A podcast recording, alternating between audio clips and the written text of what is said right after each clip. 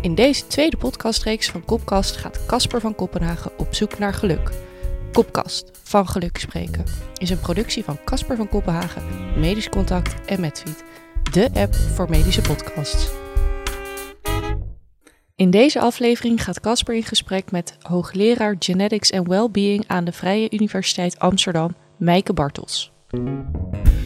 Bij mij in de studio vandaag in de Domus Medica in Utrecht eh, biologisch psycholoog Meike Bartels. Zij promoveerde in 2003 op de oorzaken van gedragsproblemen bij kinderen en werd in 2014 aangesteld als hoogleraar Genetics and Wellbeing aan de Vrije Universiteit van Amsterdam. En zij wordt dus ook wel gezien als de geluksprofessor. Hierbij maakt ze gebruik van de data van de Nederlandse Tweelingregister. Meike, van harte welkom bij de eerste aflevering van Kopkast van Gelukspreken. Dankjewel. Um, en ik wilde eigenlijk aftrappen met een blog, wat ik dan iedere week schrijf, aangaande dit thema. Ja. Uh, en dan is mijn vraag, ben je bereid om naar mijn blog te luisteren? Of zeg je nou, dan ga ik even snel naar het toilet nee, nog? dat is prima.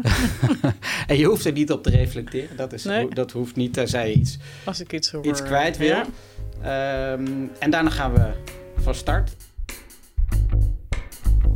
Zondagskind. Ik ben een zondagskind, zou je denken.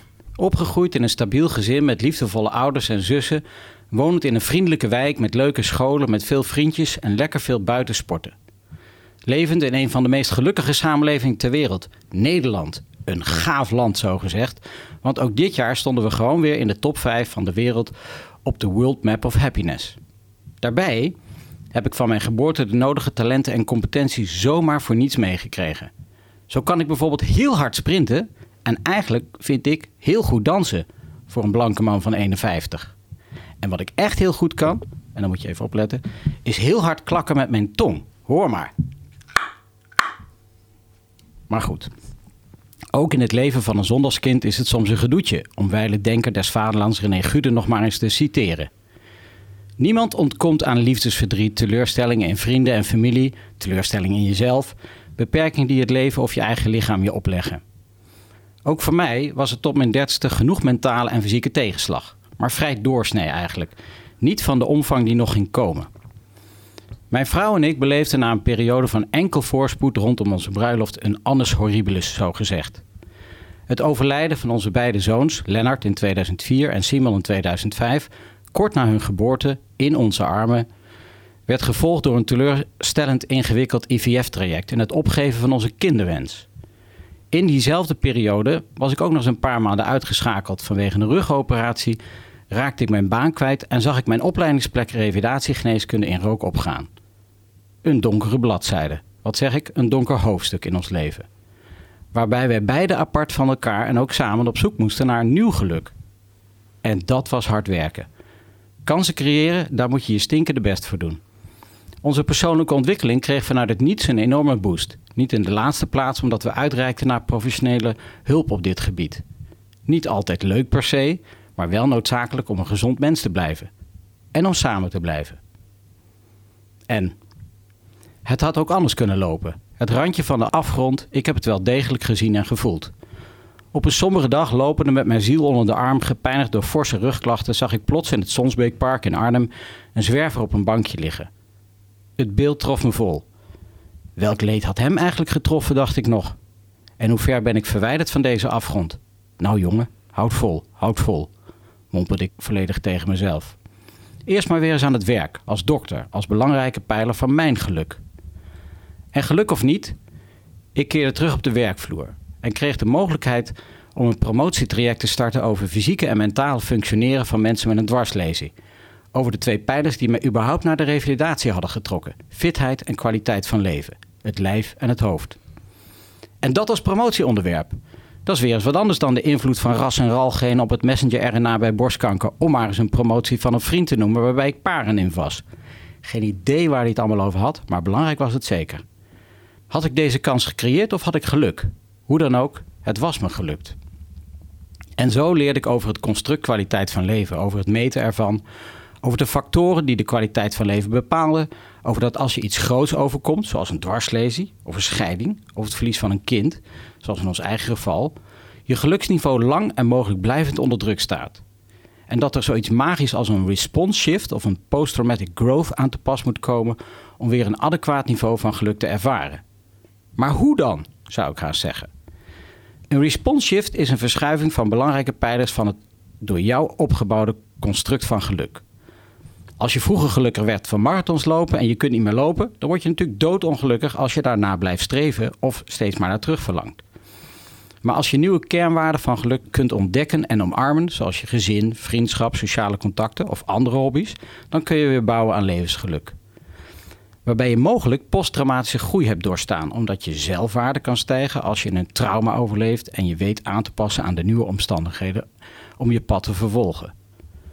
Onder het motto What doesn't kill you makes you stronger.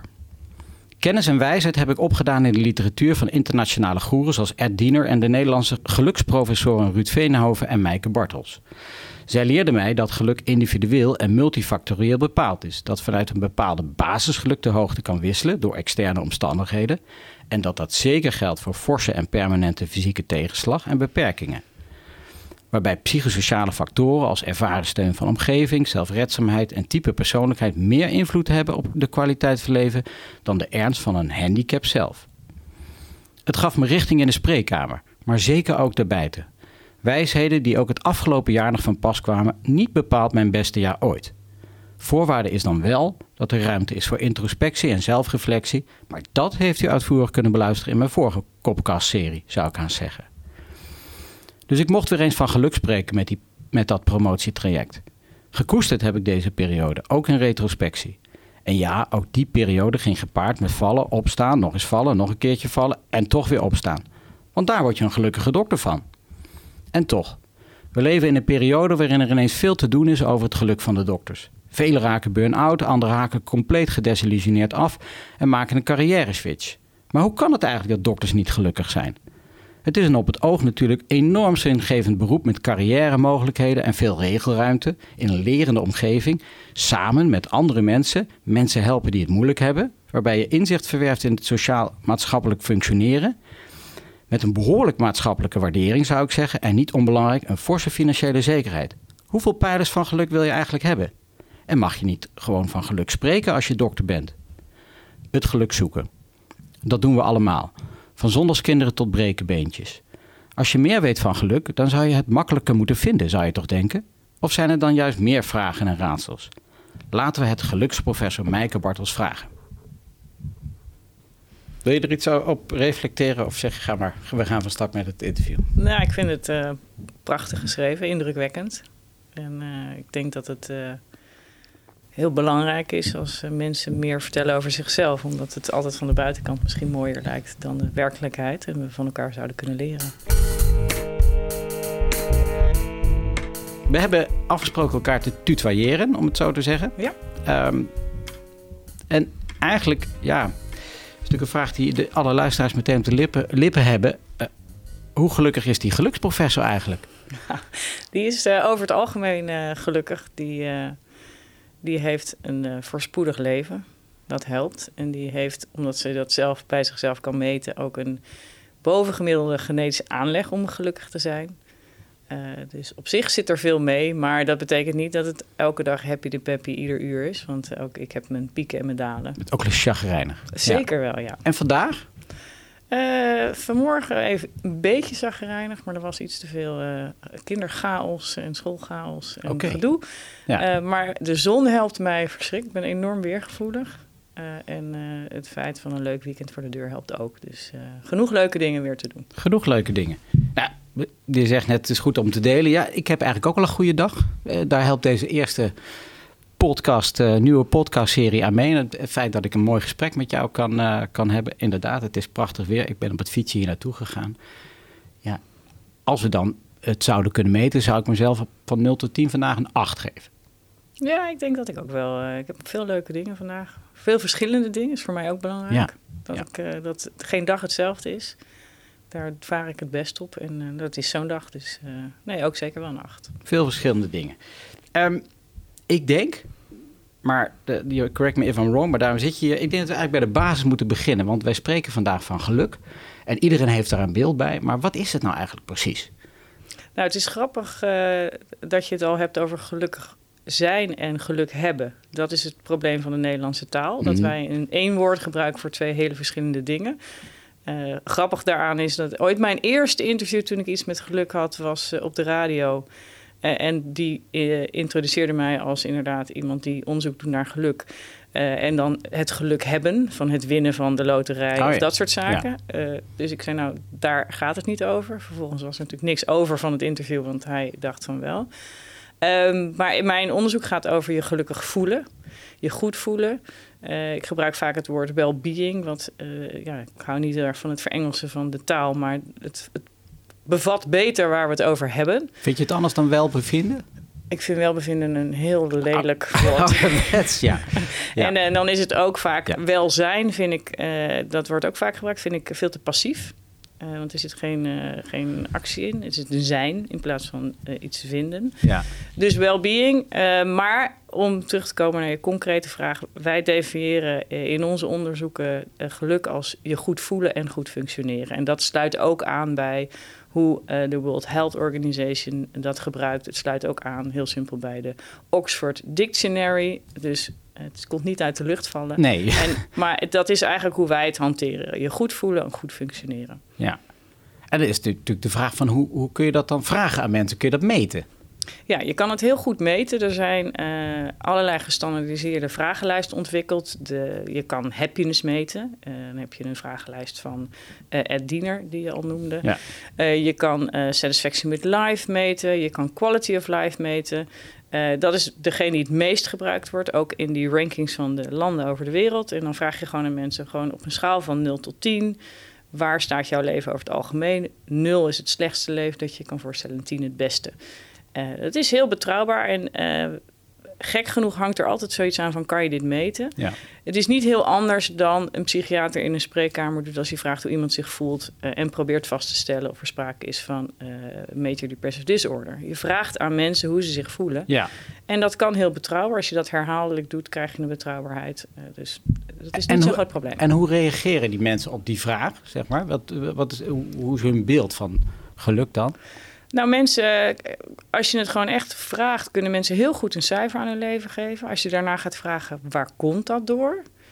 Wordt het heel ingewikkeld, want dan gaan mensen heel veel nadenken. En daarom maken we ook wel eens een onderscheid tussen meer het cognitieve aspect. Dus dat is dat tevredenheid met je leven. Dat is Ja. iets waar je over nadenkt. Iets wat, wat je vindt, toch? Ja. ja. Versus echt geluksgevoel. Kijk, geluksgevoel is ook iets wat je opeens kan hebben. Dat heeft ook niet iedereen. Maar ik, ik heb ook eh, vrienden waar ik dan af en toe contact mee heb en zeg: Had jij ook je geluksmomentje? Sommige mensen hebben. Ik heb dat ook. Ik kan in de zon buiten fietsen. eh, en vroeger toen ik nog midden in de stad woonde, onder het Rijksmuseum door het Mm. museumplein op Mm. in de zon.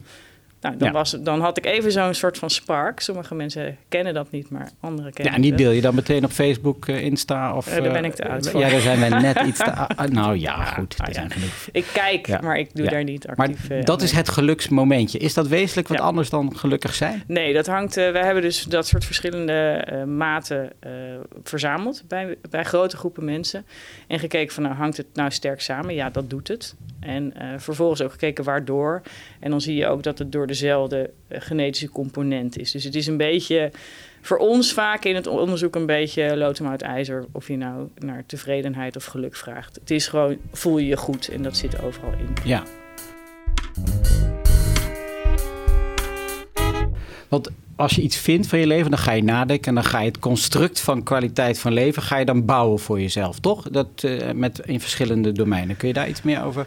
Ja, nou dat is in ieder geval wat, wat wij hopen. Kijk, wat het eh, is met geluksgevoel is dat het natuurlijk... eh, nu, het wordt nu vaak gezien als een hype. En ik zeg altijd, volgens mij moeten we het omkeren. We hebben het veel te lang genegeerd. Dat Mm. het een belangrijk aspect is van het menselijk bestaan... en ook een belangrijk aspect van onze samenleving is. Dus ik denk niet dat het nu een hype is. Ik denk alleen dat we ons zijn gaan realiseren... dat er meer is dan geld verdienen in de wereld. Ja. Eh, of meer is dan succes op allerlei maatschappelijke factoren. Ja.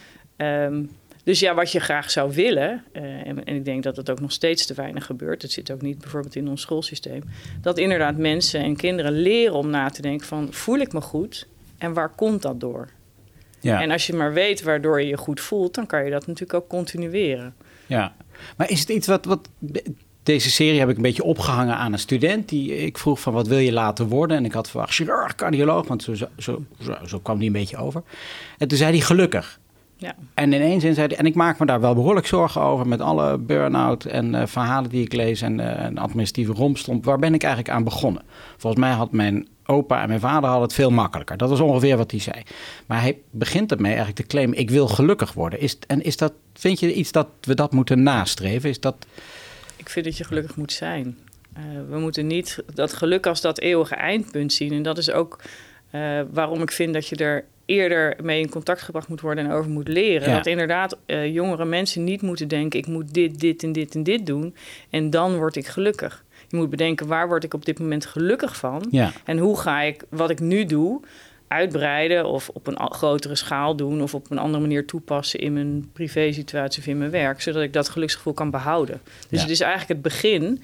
En in dat opzicht is ook wel aangetoond in eh, grootschalig onderzoek op meerdere plekken in de wereld dat het een hele goede katalysator is. Want mensen die zich goed voelen, die functioneren beter, hebben sterkere sociale netwerken, zijn minder gevoelig voor mentale aandoeningen. Dus het is eigenlijk de basis en niet hetgeen waar we naartoe moeten. Dus daarmee zeg je, eh, als je gelukkig bent, bereik je meer of zo? Hè? Of dan, eh, dan, ja, dan komt het leven, lacht het leven je meer toe. Of is het andersom? Als het leven je toelacht, word je dan gelukkiger? Nou, dat is een van de, van de vragen Daar die ben je we- mee bezig. Die, ja, waar we mee bezig zijn, die we niet eh, kennen. Eigenlijk voor niks. Hè. Kijk, de, de, de vraag van causaliteit is natuurlijk een hele essentiële vraag op de wereld. Er is heel weinig goed onderzoek wat werkelijk kan spreken over het, hebben, het verklaren van causaliteit. Vaak vinden we een associatie en claimen we dat we denken wat de richting van het Mhm. effect is. Er, zijn, er is dus eigenlijk heel weinig onderzoek naar. Er is wel, eh, je hebt natuurlijk longitudinaal onderzoek. Dus je hebt eh, onderzoek die laat zien eh, dat als mensen gelukkig zijn als ze midden in hun leven zijn, zeg maar begin volwassen, dat die langer leven. Er zit natuurlijk heel veel tussen, dus je kan niet zomaar zeggen Nee. dat het een het ander veroorzaakt. Maar het is wel een verband wat over de tijd gevonden is. En als je op beide momenten alles hebt gemeten, kan je er wel iets over zeggen. Wat ook een studie is, eh, is dat ze gevraagd hebben eh, aan 16 en 18-jarigen hoe ze zich voelen eh, op zo'n geluksschaal.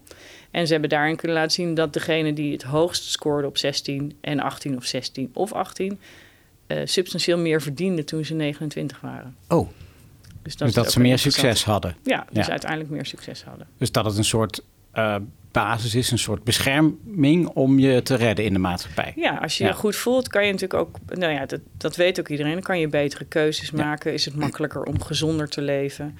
Eh, als je weer gezonder leeft en betere keuzes maakt, voel je je ook weer gelukkig. Dus het zal ook, we zullen Ja. ook nooit vinden dat het één kant op gaat. Het zal altijd bidirectioneel eh, Nee. zijn. En, en wat mij opviel ter voorbereiding op dit gesprek is dat, je, eh, dat jullie groep vooral kijkt naar hoe het gaat bij mensen die het eh, geluk hebben, in plaats van dat ze het geluk niet hebben, toch? Dus dat je Nou, een beetje wij- positief naar geluk kijkt. Wij eh, gebruiken eigenlijk eh, alle data. Dat is eigenlijk. In mijn proefschrift had ik het over gedragsproblemen bij kinderen. We hebben ook heel veel onderzoek gedaan eh, naar psychopathologie en problemen bij volwassenen.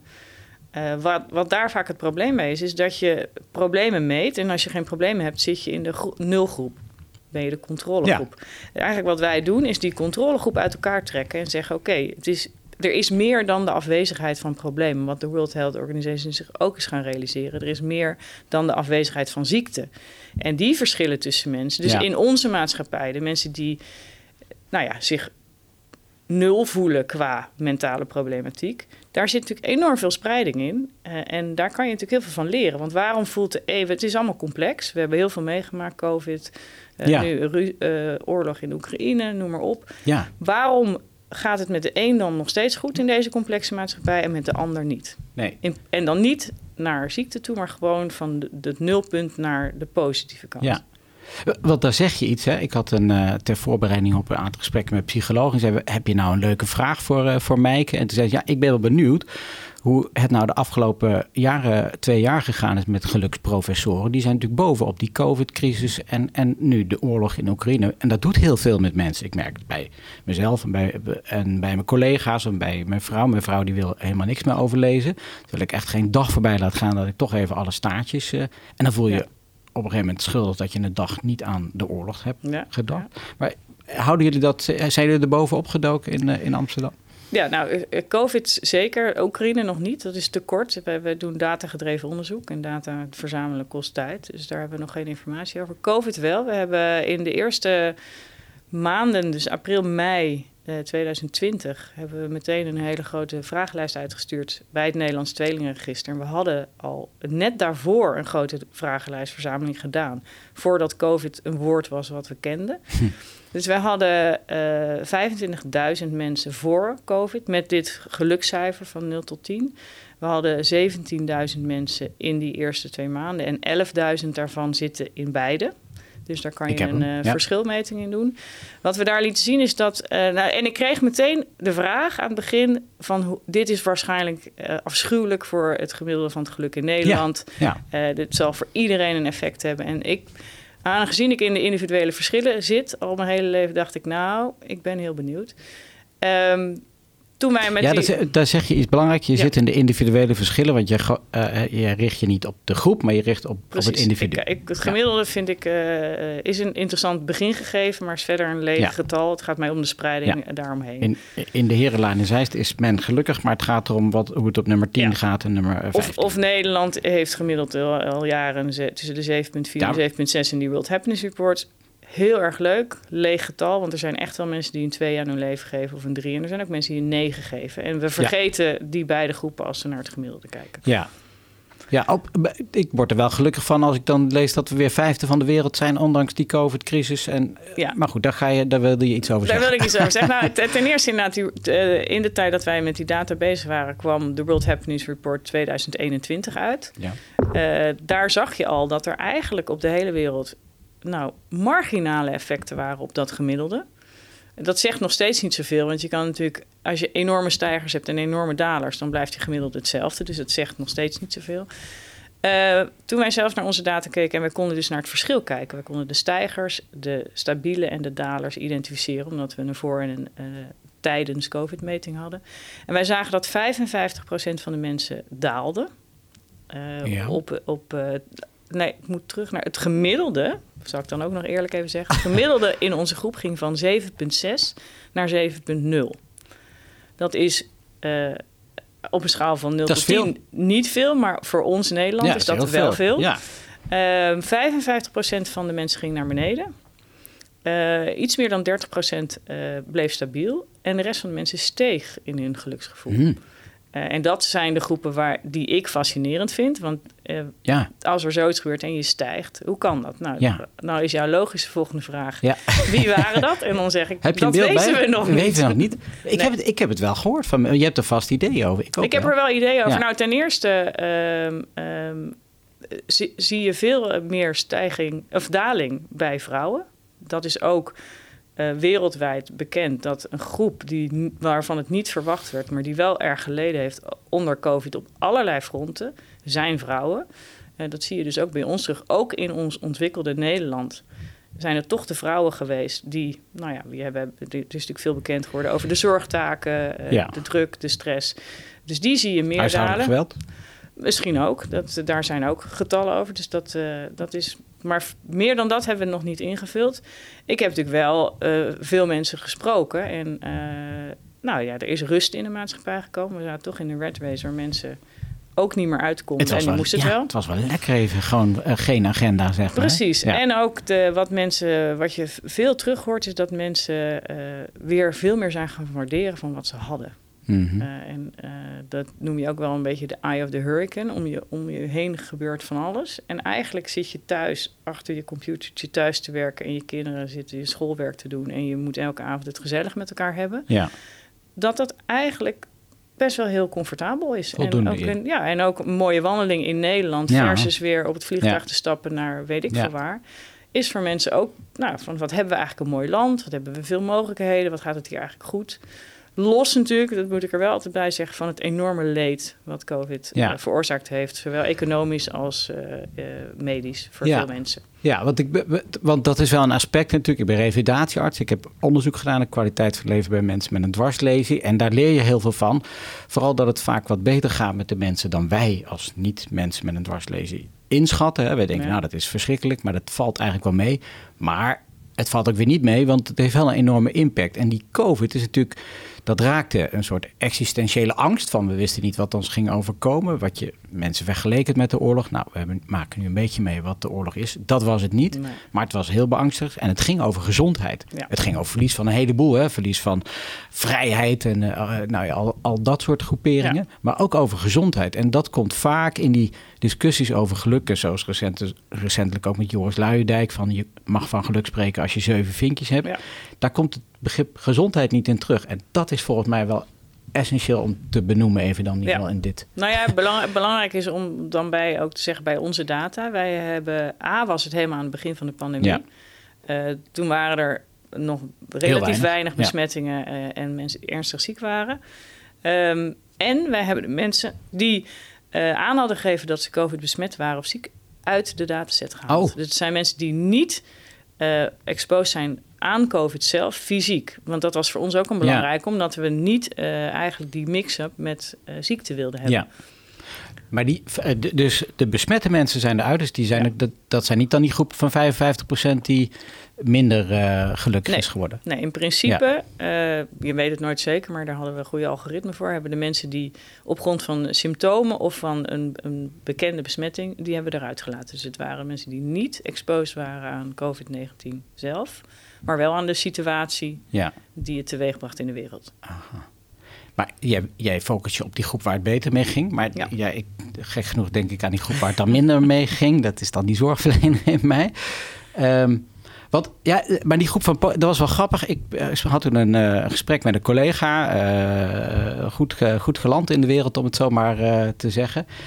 En die was zo'n ander mens, zei hij zelf sinds de COVID was uitgebroken. Want hij zei: Ja, Casper, jij staat maar de hele dag aan. En dat vind jij fijn om met mensen te praten, in communicatie te zijn. En daar word jij gelukkig van. Maar ik niet. En dat ziet niemand. Want voor mijn functie moet ik het doen. De hele dag Ja. aanstaan. Ik moet iedereen eh overleggen. Maar eigenlijk vind ik dit. Dat ik rustig op mijn kamertje kan zitten met mijn laptopje. En, eh, en af en toe wat zinnigs eh, kan zeggen en richting geven. Vele malen Ja. fijner. Ik, het was voor mij wel een eye-opener. Nou, en dat is precies wat ik bedoel met wat, wat moet je nou doen als individu? Is van die situatie leren. Er is een situatie opgelegd die extreem was Ja. voor iedereen.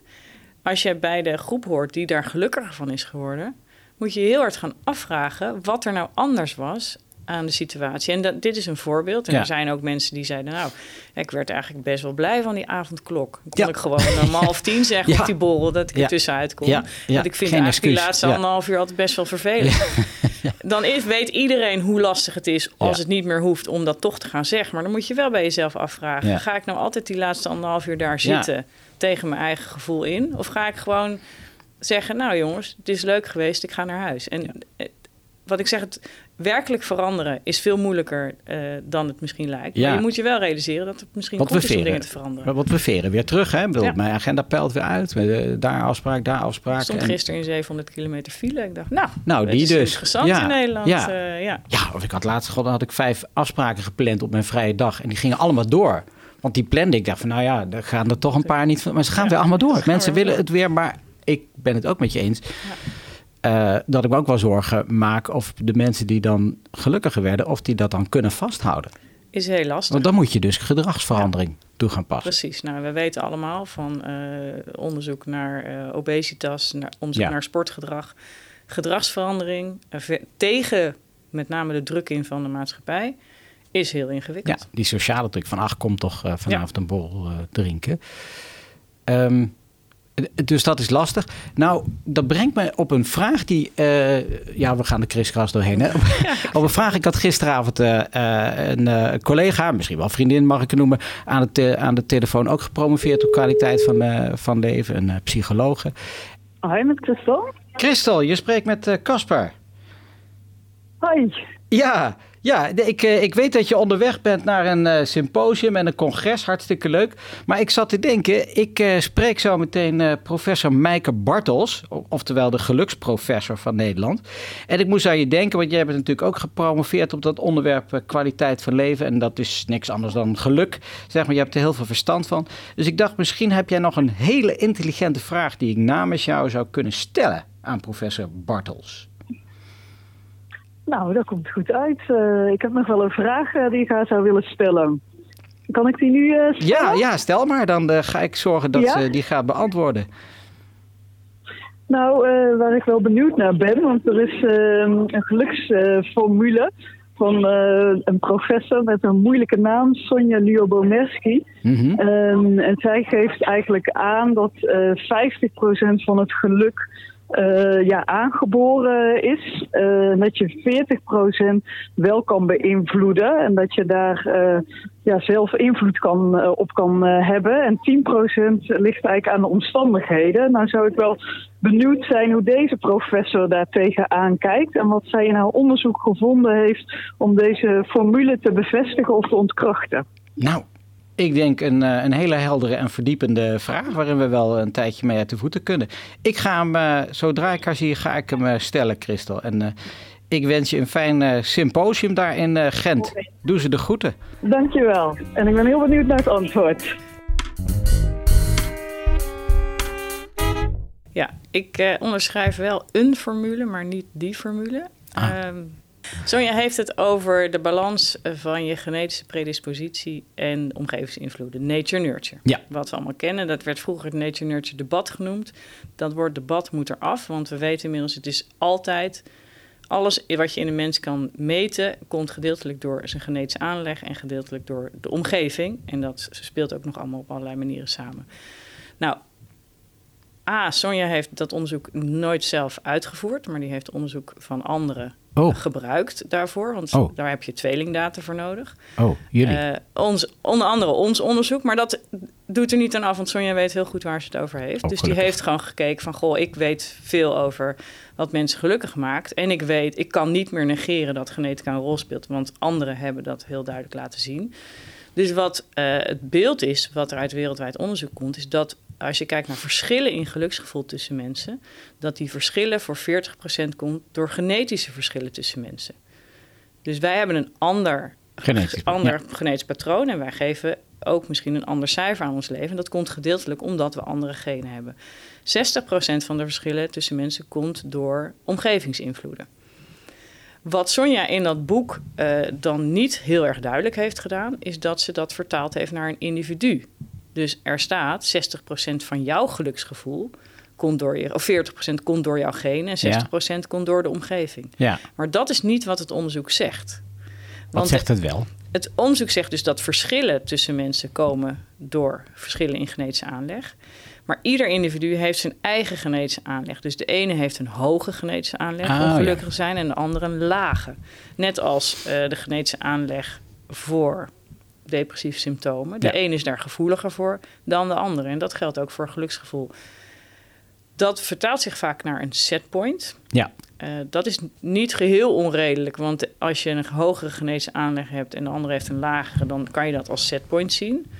Alleen moet je dan niet overstappen naar determinisme. Het betekent niet dat mijn geluksgevoel niet kan veranderen. nee, want dat is wel jaren gedacht. Hè? De Ja. eerste publicaties die ik las daarover de jaren 70 van eh, Brickman. Dat, dat is heel lang aangehouden dat je een Ja. bepaald setpoint had. En dan gebeurt er iets. Je wint een loterij of je krijgt een dwarslezing. Dat was ook exact hun publicatie. Dan ben je even uit het lood en dan gaat het even iets minder of juist iets beter. Maar daarna veer je weer terug naar die basis. Ja. Maar uit longitudinale studies, internationale studies, met name van Ed Diener, blijkt dat dat niet het geval is, toch? Nee, en dat is ook een verkeerde interpretatie van dit, dat setpoint. Het geeft, de een is dus, heeft het makkelijker om gelukkig te zijn, doordat hij een hogere genetische aanleg heeft.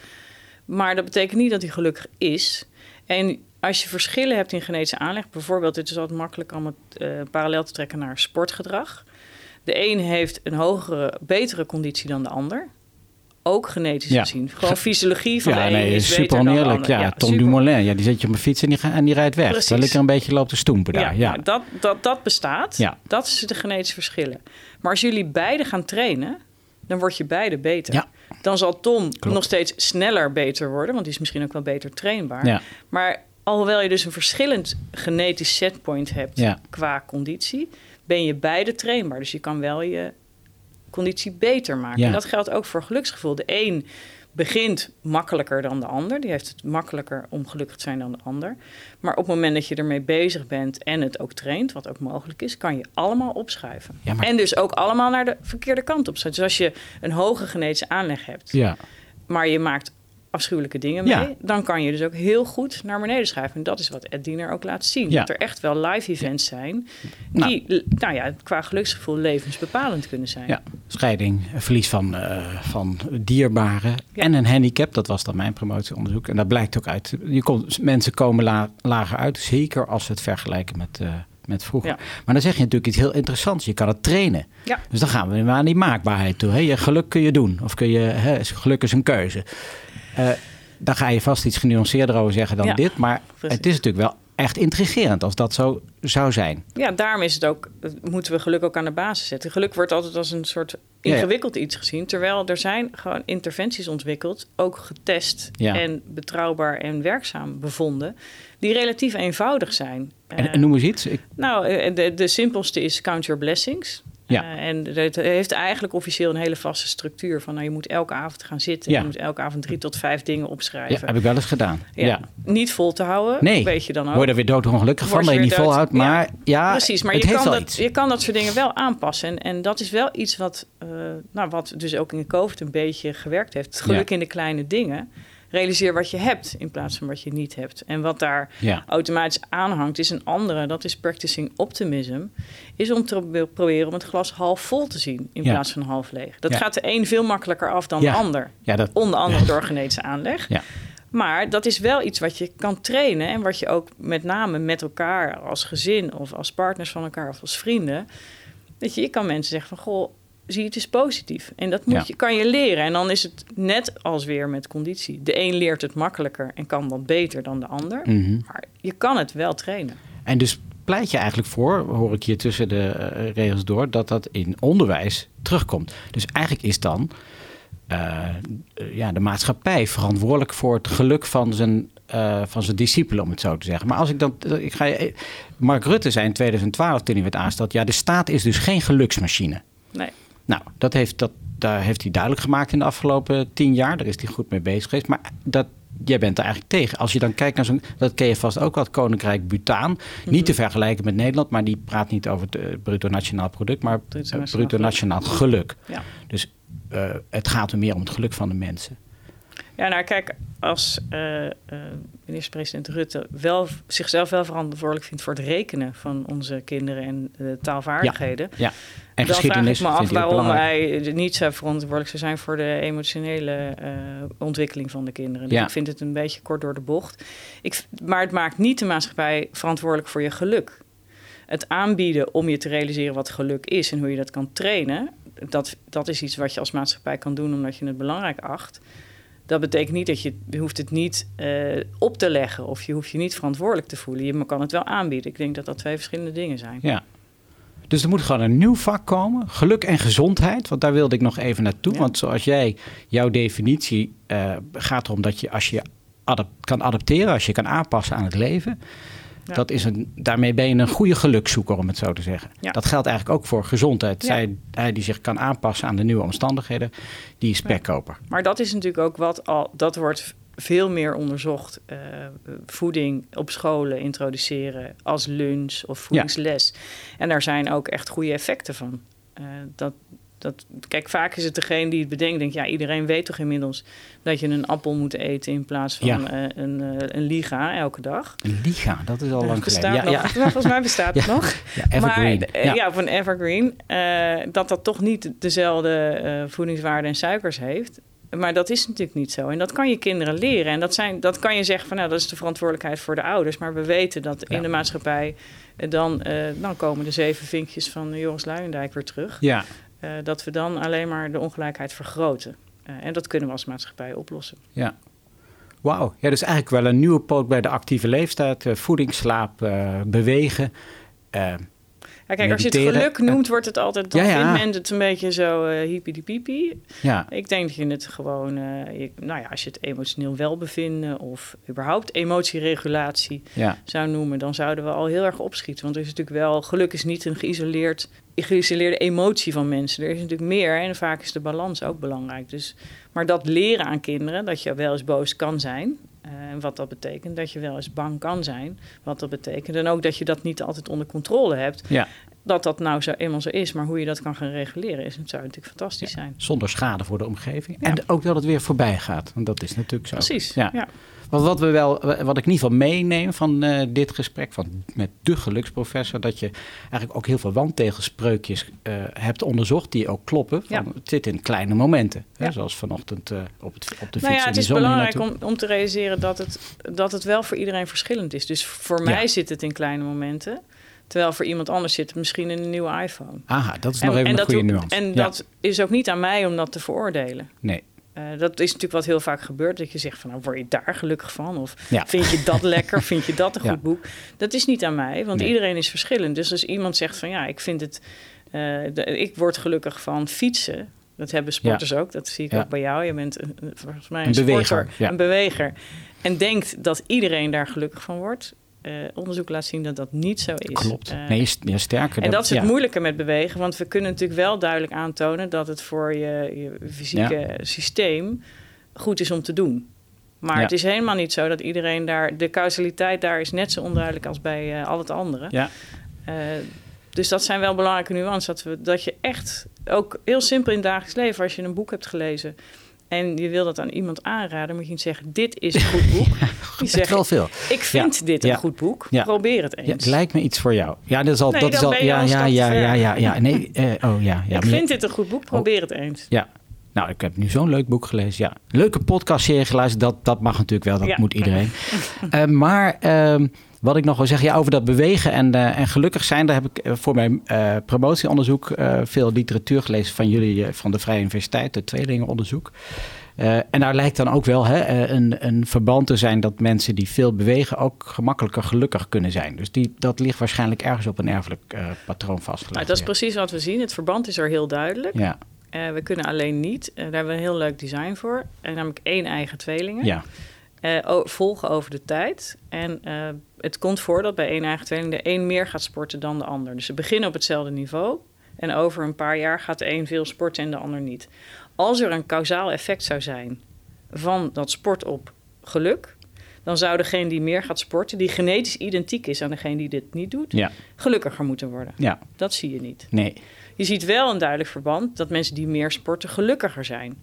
En dat kunnen we dan terugleiden naar een set genen die zowel voor geluk eh nou ja, predisposeert als voor sportgedrag. Ja. En, ja, maar- En dat maakt verandering ook mo- moeilijk. En wij gaan beginnen altijd met verandering in sport. En zeggen van nou, je moet gaan sporten, word je gelukkig. Ik heb nu net geschetst hoe je ook aan je geluk kan werken. Dus we zouden ook voor groepen die dat sporten heel lastig vinden... kunnen zeggen van nou, begin nou eerst eens met die gelukstraining. Voel je je straks Ah, beter mentaal, is het misschien makkelijker... Om te dat gaan sportpak bewegen. aan te trekken. Ja, want het is natuurlijk in onze spreekkamer, zeker in de revalidatie, wij zetten mensen letterlijk in beweging. En dat Ja. is soms duwen en trekken. En vaak lukt dat niet. Sommigen zien het als een medicijn en die kunnen dat. Die hebben dan de discipline. Ik haal altijd mijn schoonvadertje aan, die zijn hele leven al rugoefeningen doet. Ja. Terwijl ik zei, je hebt toch nooit last van je rug? Hij zei, daar is een reden voor, vriend. Ja. En, maar Ja. dus de die discipline kunnen opbrengen omdat ze weten dat het goed voor ze is. Maar Ja. ze houden niet van. Want ik ken genoeg mensen die, ja, die gewoon niet van bewegen houden. Nee. Of in ieder geval niet van eh, in, in een Nee. pakje zwetend door een bos lopen. Als mantra erin Ja. echt. Dus, Ja. eh, Heb jij erover nagedacht hoe dat we met z'n allen een stukje ongelukkiger aan het worden zijn? Nou, ik denk dat dat voornamelijk met de druk uit de maatschappij te maken heeft. Eh, ik ben drie keer uitgeloot voor geneeskunde. Ja, dat, dus ik, ik, ben, dacht, ik, eh, ik, ik niet, roer het eh, niet aan. ik ben niet diep ongelukkig, maar Nee.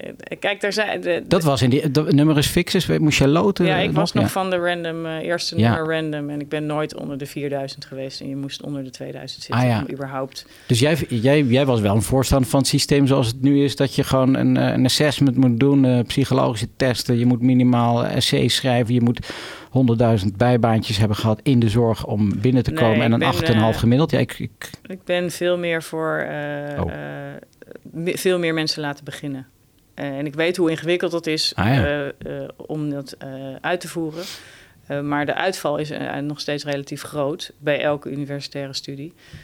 Dus ik zou de selectie laten plaatsvinden op, op grond van de inzet in de eerste twee jaar bijvoorbeeld. Inzet. Nou ja, inzetmogelijkheden. Kijk, wat er ook gebeurt, en daarom zijn er denk ik ook... eh, het begint ermee dat er ook veel eh, mensen geneeskunde studeren... die uiteindelijk, als ze diep in hun hart kijken... moeten zeggen dat ze dat misschien niet doen. En ik denk achteraf, als ik zie wat ik nu doe... ik zei vroeger altijd van ik vind ziekenhuizen magisch, vind ik nog steeds. Maar ik hou niet zo heel erg van heel veel zieke mensen. Aha, dus de vraag is, ja. wat had ik überhaupt arts moeten worden? Want ik heb niet... Ik wilde geneeskunde omdat ik gefascineerd ben door de, door de mens... en hoe een Ja. mens functioneert. En onder andere ook toen al genetica. Ik ben niet, had niet de drive om... Ik wil mensen beter maken. Nee, wat we net hadden. Ik richt hem op die 55% die minder gelukkig waren geworden. Jij zei, nee, de focus moet zijn op die mensen waar het nou, beter dat zit dus Ja. altijd al in mijn gedachten. Dus misschien was ik helemaal niet zo goed terechtgekomen. En ik denk dat er veel meer geneeskundestudenten zijn. Maar, maar misschien is het, even als ik je mag onderbreken, heel hip. Want we moeten juist aan preventie doen. We moeten zorgen dat die 30%, dat dat 5, dus als we weten waardoor die mensen vooruit gaan en dus ook gezonder kunnen worden. Dus eigenlijk was je misschien een hele hip. Ik eh, had, nu, ja, ik was toen, ik liep voor. Ja, was liep voor, je voorloper, liep- ja. ja, maar daar is nooit geld voor voor Nee. preventie, want dat, eh, dat kan je niet kwantificeren. Dus dat gebeurt niet. Maar dus ik, laten we beginnen met dat ik denk dat er al geneeskundestudenten zijn die of omdat opa, overgrootopa, Ja. eh, en laat ik genderneutraal zijn, oma of oma, overgrootoma, Overgrootoma, de wordt lastiger. zoeken, maar Eh, ja. Tegenwoordig Ja. deze generatie wel. Nou. eh, dat die eh, al in de medische wereld zaten. Dus dat er eigenlijk überhaupt nooit nagedacht is tussen geboorte en gaan studeren wat je werkelijk wil en waar je werkelijk goed in Mhm. bent. Die zijn er denk ik nog te veel. Eh, dat zie je bij geneeskunde, dat zie je denk ik ook bij rechten. Nou ja, advocatuur. Ja, zeker. precies. Eh, dus daar begint het al mee. Dus ik denk dat er eh, A, te veel zijn die iets doen maar ze, wat uiteindelijk niet is wat ze zelf hadden gewild. Dus ook ons systeem, hè, kies iets waar je een baan in kan vinden. Of kies iets waar je geld mee kan verdienen. Slechtste drijfveer voor keuzes in je leven. Daarnaast is natuurlijk de druk in deze beroepen...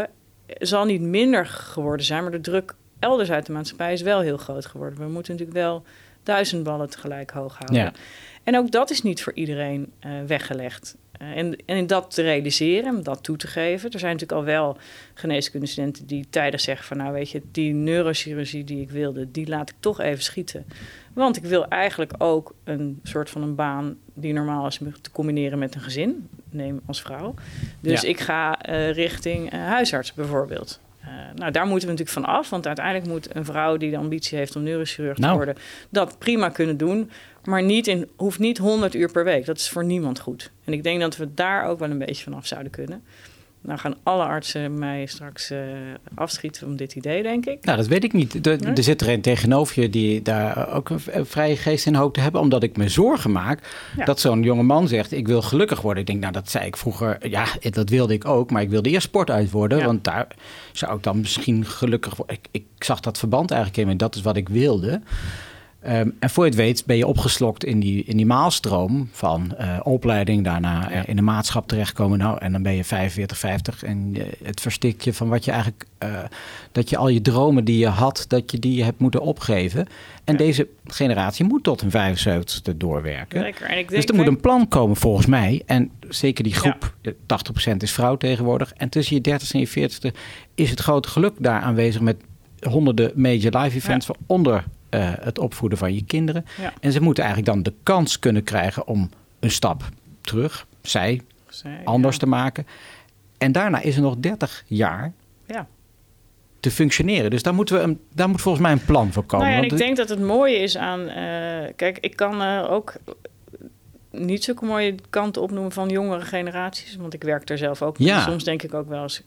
On, doe eens. Ja, ja. Even die schouders eronder en waar is je ambitie? Maar aan de andere kant vind ik het ook wel weer een mooie ontwikkeling... dat we, dat we mogen nadenken hoe we ons voelen bij dingen die we doen. Ja. En dat het niet allemaal maar moet zoals gewoon was. En als je niet meedoet, tel je niet mee. Dus daar ben ik een enorme voorstander van. En dat, dat is wat je ziet gebeuren. Ze, gewoon dat ze zeggen, ja, ho is, ik wil dit wel... maar traditioneel moet ik dan 80 uur per week werken. Dat wil ik niet meer. Nou ja, en als Ja. we die balans terug kunnen vinden, dat het ook in minder kan. Want ik bedoel, waarom zou je 80 uur per week moeten werken? Je wordt er echt niet beter van. Heel Ja. simpel. Dus, Ja, eh, mijn vader zei vroeger altijd eh, van, je zal maar 80ste uur zijn. Als Ja. een chirurg zei, nou, ik werk 80 uur in de week. Ja, dat, ja. Ja. Eh, was een wijs man, mijn vader. Maar eh stedenbouwkundig iets heel anders. Creatief is ook slim, hè. Dat, dat is natuurlijk ook... ja, Dat, wat, andere manier van brein. want die burn-out, dat maakt, me, hè, dat ma- maakt wel zorgelijk. Van, eh, maken wel genoeg gebruik van de talenten van dokters... en houden ze zich niet bezig met dingen waar ze zich niet bezig mee zouden moeten Nou ja, hebben we, ze, we hebben ze dus blijkbaar niet sterk genoeg gemaakt om, om op tijd te zeggen: Ho, dit is het niet voor mij. Nee. En dat is wat, wat je ziet. Eh, dat is ook als je een hele zaal vol rechtsstudenten neemt op de VU. Wij zitten tegenwoordig, wij noemen het zelf, op de Zuidas. Oh, ja. Eh, daar Ja. staan al die hoge kantoren. Daar is het op vrijdagmiddag één grote te bus doen, van ja. de, de borrels van eh, de advocaatkantoren. Prachtig. Ze denken ook allemaal dat ze daar gaan eindigen en dat ze daar moeten eindigen. Ja. Terwijl het grootste deel van de mensen moet daar helemaal niet eindigen, want die past daar helemaal niet. Nee, nee, maar ja, ga maar eens tegen ja. jezelf zeggen van ja, eh, ik, ik pas liever bij, eh, in, in, in Schin op Gul bij een advocatenkantoor met Ja. drie mensen. Terwijl dat misschien wel zo is. wel, wel beter past. Ja, dat is natuurlijk de, eh, de, de analoog naar, naar de geneeskunde is daar hetzelfde. Iedereen denkt in het eerste jaar dat hij medisch specialist wordt, maar dat zijn er maar een paar die dat als Precies. om zich heen kijken. De Ja. meesten worden het gewoon niet. En dat is heel goed. En dat Ja. zijn fantastische vakken. Je bent niet afgedankt als je geen medisch specialist Nee. wordt. Sterker nog, het is daar buiten de vak van de toekomst. Nou, ehm, ja, we moeten wel een beetje richting een afronden. We zitten, eh, alle topics die ik in mijn hoofd had, mijn papiertjes intussen weggewaaid, eh, zijn wel besproken. Ehm, maar ik zou je wel willen vragen, want je geeft wel eens tips hè, van met Ja. alle kennis en kunnis die je, die je hebt. Wat zou je nou aan die dokters, want misschien moeten we ons even tot de dokters, Ja. die studenten hebben nog tijd om te switchen, die worden ook wel wat beter begeleid. Maar wat zou je die dokters nou adviseren om te doen die zich in zo'n richting gaan van ongelukkig worden, eh, burn-out, eh, twijfelen over hun toekomst? Ja, dat Wat is, kunnen ze doen? nou, dat is eigenlijk een beetje langs die lijnen van count your blessings. Maar dat, je hoeft niet elke avond te gaan zitten en, en de drie dingen op te schrijven waar je die dag gelukkig van werd.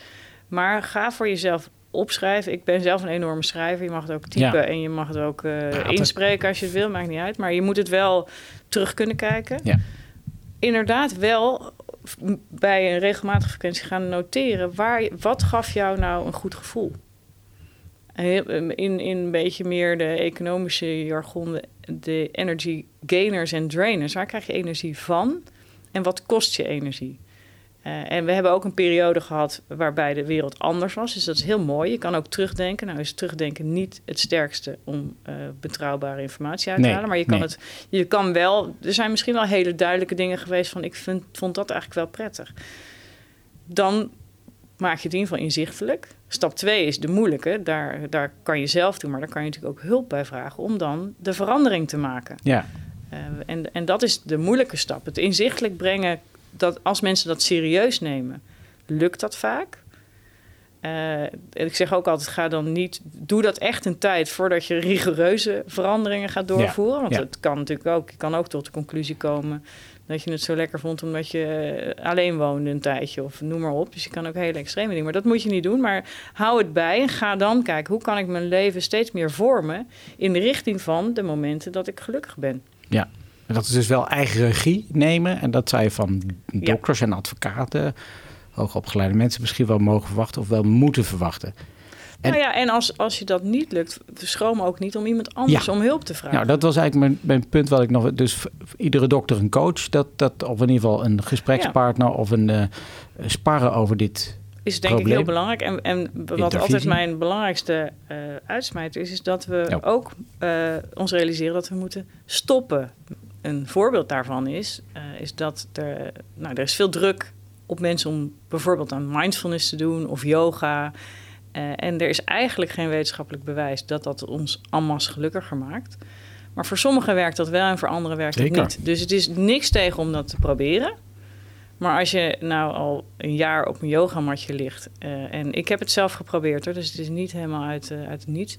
En eh, op dat yogamatje denkt... wat had ik allemaal anders in deze tijd kunnen Ja, doen... waar ja. ik me beter bij had gevoeld... Ja. dan moet je er ook weer mee stoppen. En dan krijg je daarna van heel veel mensen die er wel heel gelukkig van worden... is van je doet het niet goed, je moet het anders doen, je moet het langer doen. Beter, nee, ik, Vroeger. ja. Ja. En dat geldt voor meer mensen, dat je van sommige dingen niet gelukkig wordt. Dus ook mensen die constant zeggen, je moet gaan hardlopen. Mhm. Als je dat doet en je, je probeert dat goed... en ik raad altijd aan, neem dan ook even een trainer om echt te leren Ja, ja, lopen. zeker, zeker. Maar dan nog, Bij de basis. Ja, kan het zijn dat je, dat je het echt niet prettig vindt. Ik heb dat ook met sportscholen. Ik, heb dat ook regelmatig weer geprobeerd, want je verandert natuurlijk ook Ja. je leven. Ja. Maar dat je dan, als ik elke keer daar naartoe ga en op een gegeven moment dacht, ja, ik, ik ben, eh godsamme, eh, ouder dan ik zeg, nee, ik ben 48. Zo. En ik Ja. ga met Zou je niet zeggen. zoveel tegenzin altijd naar die sportschool toe. Waarom doe ik dat dan? Ja. Dus dan moet ik iets anders verzinnen, want die fysieke activiteit is natuurlijk wel goed. En dat is wel heel belangrijk. Begin met dingen, test dingen voor jezelf. Schrijf op waar je gelukkig van wordt, maar stop ook met dingen waar je niet gelukkig van wordt. Durf te stoppen. Ja. ja.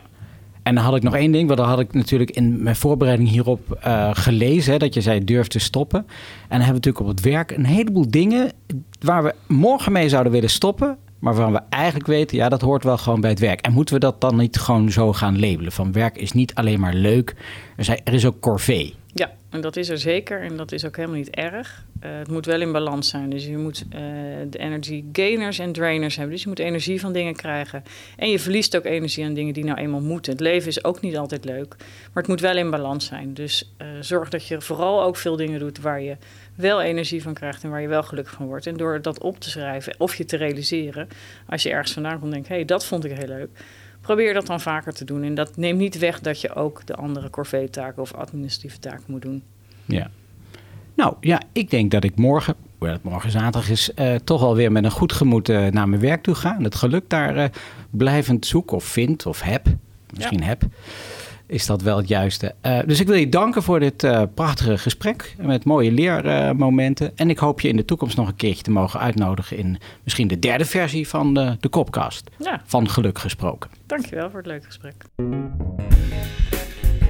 U luisterde naar Van Geluk Spreken, een podcast van Casper van Kopenhagen in samenwerking met Medisch Contact en Medfeed, de app voor medische podcasts. Niets missen van Kopkast? Abonneer je gratis op de podcast.